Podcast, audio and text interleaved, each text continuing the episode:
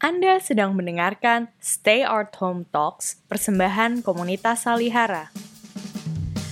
Dalam Stay Art Home Talks volume kedua ini, kami menghadirkan perbincangan dan pembacaan karya sastra Indonesia dengan merujuk 11 plus 1 kata kunci pada peta sastra Indonesia yang disusun oleh komunitas Salihara. Selamat mendengarkan! Salah Asuhan karya Abdul Muiz. Dikutip dari Salah Asuhan, karya Abdul Muiz, Jakarta, Balai Pustaka, cetakan ke-37, 2008, halaman 141 sampai 143. Pada suatu petang, Hanafi telah datang pula ke rumah Kori, membawa surat kabarnya. Perangainya pada pemandangan Kori ada luar biasa. Meskipun lakunya amat riang, tetapi segala yang diperbuatnya adalah dengan tergesa-gesa. Sedang tangannya gemetar. Waktu berjabat salam dengan Kori. Ada kabar apa, Hanafi? Engkau berlaku luar biasa. Kabar penting, Kor. Sahut Hanafi dengan sesak napas sambil membuka surat kabarnya. Buangkan dahulu surat kabar itu. Ceritakan kepadaku kabar yang penting itu. Bacalah, Kori. Baca sendiri. Maka ditunjukkannya suatu kabar pendek, lalu segera dibaca oleh Kori. Demikian bunyinya. Dengan beslaut pemerintah, telah diaku sama hak Hanafi, komis pada Departemen BB, dengan hak bangsa Eropa, dengan memakai nama turunan Han, dan diizinkan ia buat seterusnya memakai nama Christian Han. Jadi engkau sekarang sudah menjadi orang Eropa. Christian, sungguh manis bunyinya. Nanti namamu Chris saja lagi bagiku. Christian, Christy, sungguh manis. Tapi Kori duduk termenung, memandang ke pot bunga yang terletak di sudut. Hanafi melihatkan perangai itu dengan bimbang, lalu bertanya, setelah Kori tinggal bermenung, Apakah yang engkau pikirkan, Kor? Tidakkah engkau bersuka hati mendengar perubahan hidupku itu? Mustahil aku tak akan ikut bersuka hati, Hanafi. Han, Krisya. Yang aku pikirkan ialah perubahan hidup yang penting itu. Dengan kodrat Tuhan, aku diceraikan dari ayahku. Setiap ku ingat akan perceraian itu, rasa terhamburlah darahku, rasa pilulah hatiku sekarang engkau dengan sengaja menceraikan diri dari ibumu. Perceraian dengan ibuku sekali-kali tidak kucari, Kori. Tidak kusengaja membuatnya. Meskipun aku sudah keluar dari bangsaku, dan dengan bangsa sendiri sudah tidak seikhwan, siapakah yang akan dapat memutuskan tali silaturahim antara ibu dengan anak? Dalam hatiku, aku masih beribu hanya kalau ibuku sampai hati akan membuang anaknya, karena anak itu berikhtiar hendak mencapai tingkat kehidupan yang setinggi-tingginya. Ya, apa boleh buat? Segala korban tidaklah kupandang berat, Kori. Buat engkau. Maka bersimpuhlah ia di muka kursi Kori, lalu meraba tangannya dan berkata, Kori, ku ketahui benar bahwa yang menjadi rintangan antara kita berdua ialah perbedaan bangsa. Lupakanlah bahwa aku bangsa Melayu, Kori. Dengan kekuatan Vet, aku sudah sebangsa dengan engkau. Mulai dari waktu ini, ku belakangi bangsaku sama sekali. Hanafi sudah hilang.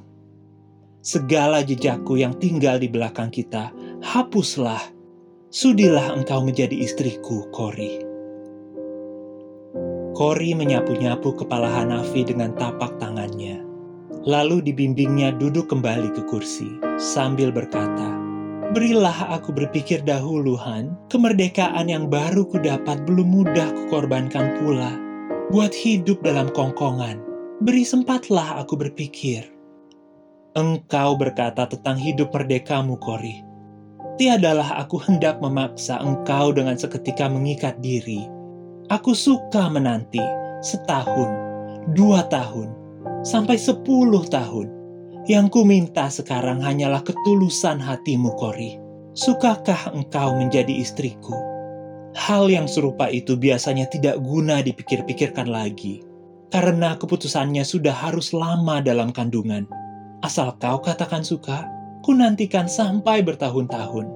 Ketahuilah olehmu, Kori, bahwa hidupku buat masa yang akan datang semata-mata kugantungkan kepada nasibku, terhadap kepada dirimu saja.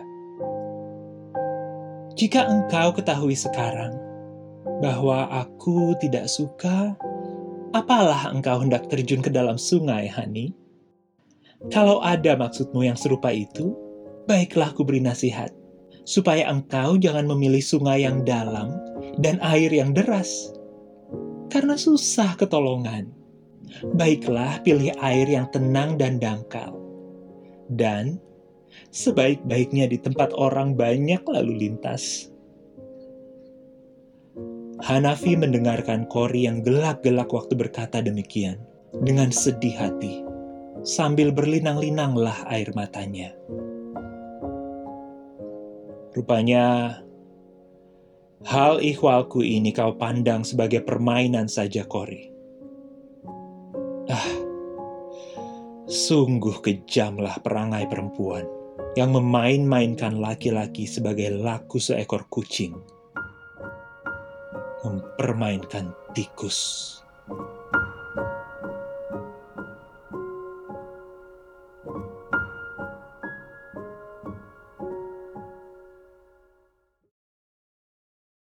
Pemirsa, kembali lagi bersama saya di Stay at Home Talks Volume 2, episode Anak Muda dan Kekangan Adat.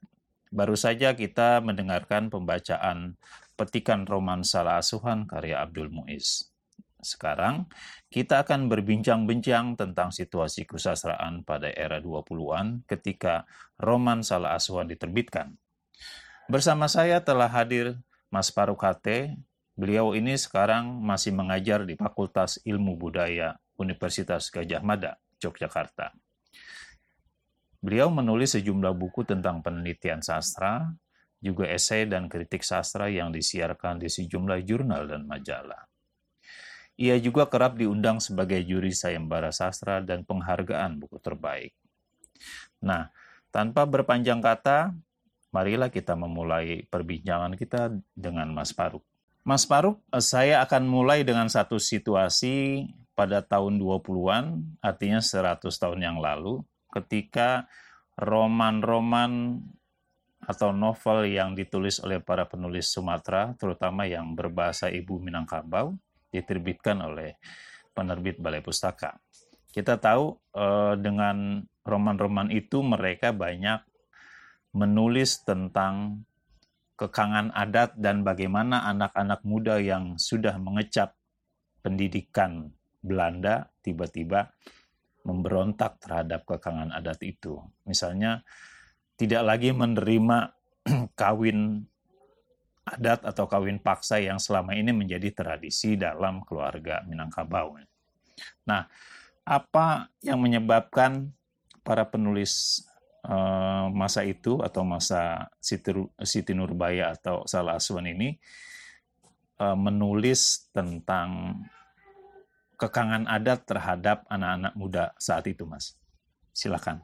Ya, ini membicarakan masa lalu yang jauh sekali ya, 100 tahun. Kalau kita targetkan uh, misalnya kalau anak muda mencoba memahaminya sering kali susah untuk zaman sekarang, tapi saya kira bisa dibayangkan pertama-tama bahwa situasi anak muda zaman dulu sebenarnya mirip dengan anak muda zaman sekarang. Zaman dahulu itu ada yang namanya zaman kemajuan. Zaman kemajuan itu orang-orang semuanya bersemangat sekali untuk menjadi maju, untuk menjadi manusia yang maju, bukan manusia yang terbelakang atau yang ketinggalan. Nah, situasinya hampir sama dengan sekarang. Sekarang ini disebut zaman milenial. Lalu anak muda diidentifikasi dengan generasi milenial. Siapa generasi milenial itu didiskusikan banyak sekali dan itu membuat juga timbul gairah untuk menjadi uh, generasi milenial itu. Situasinya hampir hampir sama. Uh, nah, tapi juga di dalam konsep kemajuan itu selalu ada juga konsep ketinggalan. Nah, konsep ketinggalan ini uh, kemudian diidentifikasi sebagai masa lalu sebagai adat, tradisi, dan sebagainya begitu. Nah, kalau generasi milenial itu bisa aja sampai pada satu titik kalau kita mengatakan, ah udah kalau kalau sekarang misalnya kalau kita online bikin status bahasa Indonesia sudah dianggap ketinggalan. Harus pakai bahasa Inggris. Nah, kalau dulu itu ketinggalan itu artinya berbahasa daerah. Jadi harus bisa berbahasa Melayu. Juga mengikuti kebudayaan daerah juga dianggap sebagai sesuatu yang ketinggalan pada waktu itu. Jadi itu yang menimbulkan semangat. Semangat untuk menjadi maju. Tapi semangat untuk menjadi maju itu itu kan levelnya pada pikiran, pada wacana istilah sekarang itu. Tapi pada dasarnya mereka juga hidup di dalam lingkungan yang secara nyata itu di dalam adat. Nah, ini yang sebenarnya menimbulkan konflik batin antara eh, di satu pihak ingin menjadi maju, di lain pihak harus hidup eh, pada kenyataannya hidup di dalam lingkungan tradisi. Nah, ketegangan ini kadang-kadang membuat eh, apa? anak-anak muda di dalam pengalamannya pada waktu itu uh, ingin bekerja keras, berjuang keras untuk menjadi maju sehingga dia juga menentang adat dengan keras. Jadi kekerasan itu seperti kekerasan kepada diri sendiri. Kekerasan karena adat dan maju itu bagian dari di dalam dirinya sendiri. Nah, ini yang sebenarnya Kenapa begitu bersemangat untuk menjadi maju? Nah, yang kedua, mungkin yang juga perlu kita lihat adalah yang disebut kemajuan itu tidak hanya soal gaya hidup. Kemajuan adalah juga soal status sosial, status ekonomi, dan sebagainya. Itu artinya kita melihat anak muda itu bagian dari mereka yang sedang melakukan mobilitas sosial, vertikal untuk naik, mencari pekerjaan dan sebagainya, semuanya adalah harus menggunakan uh, budaya bahasa Belanda. Ini juga uh, salah satu hal yang juga membuat kemajuan menjadi sangat obsesif. Jadi ada tekanan masalah ekonomi, hasrat untuk meningkatkan ekonomi, meningkatkan harga diri, Eh, juga menjadi bagian dari satu apa yang disebut dengan zaman atau arus zaman pada waktu itu, yaitu zaman kemajuan. Nah, ini sebenarnya yang menjadi latar belakang kenapa pengarang-pengarang menulis tentang kemajuan dan kenapa anak muda, karena anak muda yang sedang menjalani mobilitas sosial secara vertikal. Mereka yang membutuhkan pekerjaan, mereka yang membutuhkan uh, apa uh, uh, peningkatan derajatnya dan sebagainya itu. Nah, ini yang saya kira kenapa secara umum kemajuan menjadi penting dan bahkan obsesif dan untuk itu dia juga melakukan pertentangan frontal terhadap adat. Nah, mungkin yang juga lebih spesifik karena itu menyangkut budaya Minang, Minang itu punya tradisi konflik. konflik yang panjang sekali, yaitu konflik antara uh, adat dan Islam. Jadi antara dua tradisi, yaitu tradisi Islam yang patriarkat dan tradisi uh, Minang yang matriarkat. Nah itu di, konflik di dalam Minang itu juga sangat keras sehingga juga uh, itu apa diproyeksikan ke dalam konflik antara modernitas dan tradisi. Saya kira begitu kira-kira. Makasih Mas Paru.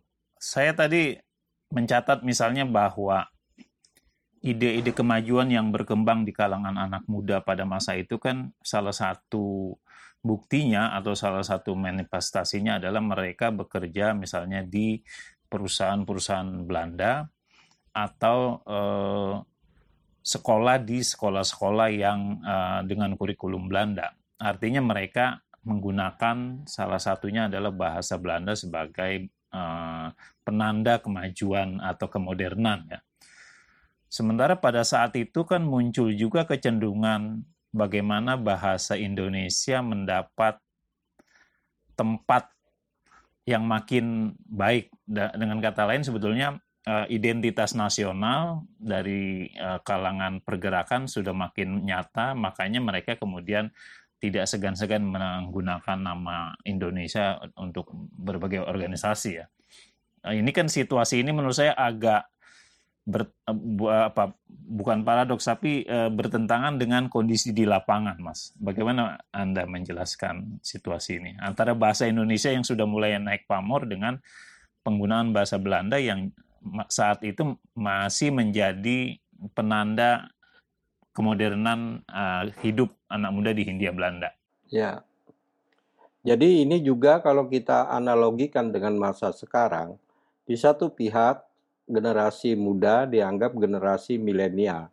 Tetapi di lain pihak ada kecemasan nanti generasi muda kalau milenial jadi internasional, jadi ke barat-baratan. Lalu juga itu artinya eh, dorongan untuk menjadi milenial itu disertai juga kekangan. Supaya jangan sampai eh, kehilangan nasionalisme dan sebagainya konteks sekarang. Nah, konteks zaman dulu juga begitu jadi pemerintah Belanda di satu pihak sebenarnya menawarkan satu kehidupan alternatif yang namanya masyarakat kebudayaan modern yang kemudian menjadi disebut zaman kemajuan. Tetapi di lain pihak juga masyarakat uh, pemerintah atau penguasa Belanda itu juga khawatir kalau uh, Indonesia menjadi maju gitu. Nah, kekhawatiran ini salah satunya adalah bahwa Belanda tidak mau orang Indonesia berbahasa Belanda. Di satu pihak dia mengajarkan, tetapi di lain pihak dia melarang. Jadi itu yang di, dialami misalnya oleh Kartini. Kartini itu sangat lancar berbahasa Belanda, bahasa Belanda tulisnya juga sudah mencapai tingkat kesastraan, tetapi dalam sehari-hari dia tidak boleh berbahasa Belanda dengan orang Belanda. Nah ini eh, apa eh, setengah hatinya pemerintah Belanda ini kemudian memberi peluang masuknya bahasa Melayu. Nah, yang kedua yang membuat bahasa Melayu menjadi penting adalah juga kebutuhan pemerintah kolonial. Kebutuhan pemerintah kolonial di satu pihak ingin membelandakan tetapi di lain pihak dia tidak mau, akhirnya dia menggunakan lebih banyak bahasa Melayu. Nah, bahasa Melayu ini yang dipakai untuk pertama-tama mula-mula adalah birokrasi. Tetapi juga itu karena juga munculnya modernisasi, munculnya birokrasi modern, munculnya industrialisasi, terjadi pemusatan eh, apa eh, peradaban atau kebudayaan, ekonomi, politik itu di Jawa. Nah, ini orang-orang dari berbagai daerah datang ke Jawa. Nah, apa alat komunikasinya? Komunikasinya tentu saja adalah bahasa Melayu. Nah, bahasa Melayu yang real pada waktu itu adalah bahasa Melayu yang disebut pasar atau bahasa Melayu eh, apa? Bahasa Melayu rendah. Nah, ini ada kompetisi yang sangat keras antara pers bahasa Melayu rendah dengan pers bahasa Melayu tinggi. Tetapi bahasa Melayu tinggi ini terkalahkan di dalam lingkungan pers. Tapi dipelihara di dalam lingkungan pendidikan. Pendidikan yang mengajarkan bahasa Melayu yang disebut tinggi. Tapi apa pun itu, bahasa Melayu itu saat merupakan satu-satunya jalan keluar untuk menghadapi di satu pihak bahasa daerah tidak lagi relevan, di lain pihak bahasa Belanda itu dihalangi. Maka bahasa Melayu itu jalan keluar bagi kebutuhan yang real dari terjadinya pemusatan eh, dalam segala kegiatan ekonomi, politik, dan sebagainya, kebudayaan, pendidikan, dan sebagainya. Eh, dan juga kebutuhan tadi akan modernisis, modernitas, kedudukan, pekerjaan dan sebagainya yang uh, pada akhirnya sebenarnya yang dituntut juga adalah bahasa Melayu karena orang Belanda tidak mau bahasa Melayunya bahasa Belanda diajarkan.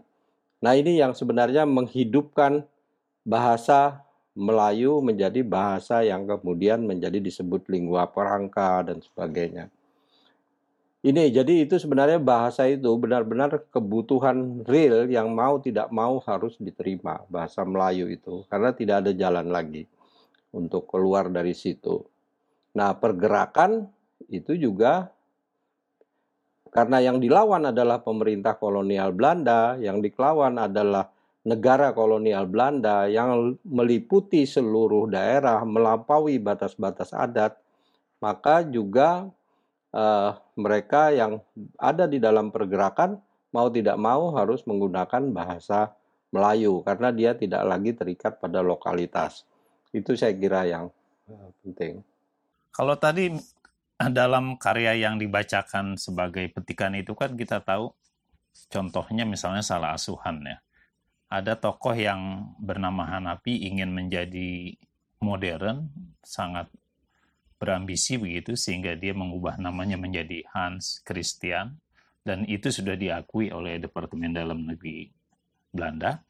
Tapi kita tahu dia kan kemudian dihukum ya Mas ya. Maksud saya kehidupannya menjadi tidak bahagia. Perkawinan campur dengan uh, Cory Debussy itu tidak bahagia dan seakan-akan pemberontakan itu akhirnya atau uh, ya pemberontakan anak muda terhadap adat itu sebetulnya satu yang sia-sia. Kalau dari kalau kita melihat uh, contoh salah asuhan dalam konteks ini, gimana penjelasan Mas Faruk? Ya itu tadi. Jadi Belanda itu setengah hati. Di satu pihak mendorong orang orang Indonesia atau orang pribumi untuk bisa menjadi modern, terus-menerus menggaungkan betapa hebatnya kebudayaan modern, masyarakat modern, zaman modern, zaman yang lama itu sudah ketinggalan zaman, tinggal menunggu kehancuran, sudah akan hilang dan sebagainya. Nah, jadi orang semua harus masuk ke sana. Nah, di dengan tumpukan tentang ide tentang zaman kemajuan yang megah, yang merupakan puncak peradaban, uh, juga kebutuhan akan pekerjaan, kebutuhan uh, uh, akan harga diri dan sebagainya itu semuanya itu menjadikan obsesi yang semakin besar tetapi diskriminasi itu tetap terjadi. Jadi ini setengah hatinya pemerintah Belanda dalam hal itu sangat ketara dan itulah efeknya. Efeknya terjadi pada uh, Hanafi di dalam salah asuhan itu. Jadi begitu obsesifnya mereka pada pada modernitas, tetapi juga muncul hambatan. Nah, ini yang yang penting sebenarnya. Jadi persoalannya memang tidak sederhana dan itu uh, ada konflik batin, ada tegangan. Ini modernitas juga menekan, uh, tradisi juga menekan. Uh, itu suasananya bisa dikatakan sangat menyedihkan sebenarnya dari segi pengalaman masyarakat pada waktu itu dan itulah yang diekspresikan di dalam karya-karya itu. Jadi selalu tidak polos gitu. Perjuangan-perjuangan itu tidak pernah polos. Mas Faruk, uh, dengan bentuk-bentuk roman atau puisi baru ya, itu kan sebetulnya mereka atau para penulis ini ingin menjadikan sastra sebagai sebentuk apa katakanlah modernisasi sosial. Jadi sastra diberikan tugas untuk ikut menggelorakan apakah itu uh, perjuangan mencapai identitas nasional atau meraih uh, kemodernan dan seterusnya. Kenapa sastra yang digunakan untuk itu tidak kan kita juga tahu ada partai politik, ada organisasi massa yang tujuannya sebetulnya sama juga, mencapai Indonesia merdeka. Ini pertanyaan terakhir, Mas. Makasih. Jadi ideologisasi sastra itu muncul sebenarnya pada zaman Pujangga Baru. Zaman eh, Balai Pustaka tidak ada ideologisasi sastra. Orang hanya mengekspresikan apa yang dia rasakan, apa yang dia pikirkan, apa yang menekan batinnya, apa yang menjadi harapan-harapannya. Itu lebih bersifat spontan. Ideologisasi sastra itu baru muncul di Pujangga Baru Nah, kenapa ada juga sebenarnya obsesi yang sangat besar terhadap sastra, harapan yang sangat besar pada sastra sebagai satu bentuk pembudayaan kebangsaan Indonesia. Ini masalahnya adalah pada zaman Pujangga Baru itu terjadi represi yang sangat kuat dari pemerintah Belanda terhadap pergerakan politik jadi itu pada zaman-zaman itu orang komunis dibuang, eh, apa tokoh-tokoh politik ditangkap dan sebagainya. Itu karena ada momentum eh, apa semacam pemogokan dari kelompok komunis eh, eh, di, di dalam eh, apa pergerakan buruh-buruh. Nah ini sebenarnya yang yang menyebabkan kemudian orang tidak bisa lagi berpolitik. Jadi sampai-sampai tokoh-tokoh politik seperti Sutomo misalnya itu, itu sampai masuk ke wilayah kebudayaan, ikut berpolemik kebudayaan. Eh, Ki Hajar Dewantoro yang dulu adalah tokoh politik juga masuk ke dalam wilayah kebudayaan karena memang pada zaman Pujangga Baru itu eh, pergerakan politik sangat ditekan. Uh, saya lupa gubernur jenderalnya yang sangat terkenal, sangat keras uh, pada waktu itu. Jadi memang pergerakan politik tertahan, lalu sastra menjadi uh, satu jalan keluar. Kalau konteksnya sekarang, kita ingat dengan Seno yang bilang kalau jurnalisme dibungkam, sastra bicara. Jadi pada zaman Soeharto kita bayangkan represi terhadap jurnalisme sangat kuat sehingga mau tidak mau Seno harus menulis di dalam bentuk sastra.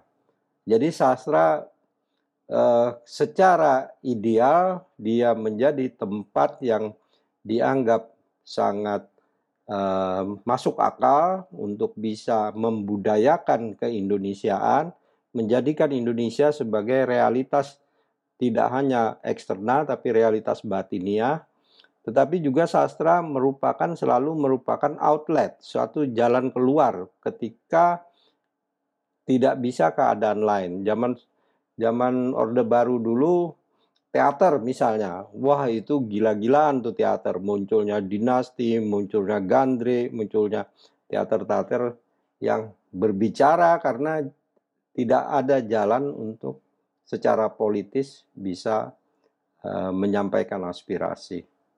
Begitu kira-kira. Uh, meskipun pembicaraan ini akan sangat menarik, tetapi karena waktu yang tersedia uh, sudah habis buat kita, saya ucapkan terima kasih banyak untuk Mas Faruk yang sudah mau berbagi uh, pembicaraan tentang tema ini. Uh, sekali lagi, uh, terima kasih kepada Mas Paruk dan pemirsa. Demikianlah episode Anak Muda dan Kekangan Adat bersama Paruk Hate. Jangan lupa untuk mengikuti dan menonton video animasi 11 plus 1 kata kunci untuk mengenal kesusastraan Indonesia di kanal YouTube Peta Sastra Indonesia. Sampai jumpa di episode Stay at Home Talk selanjutnya.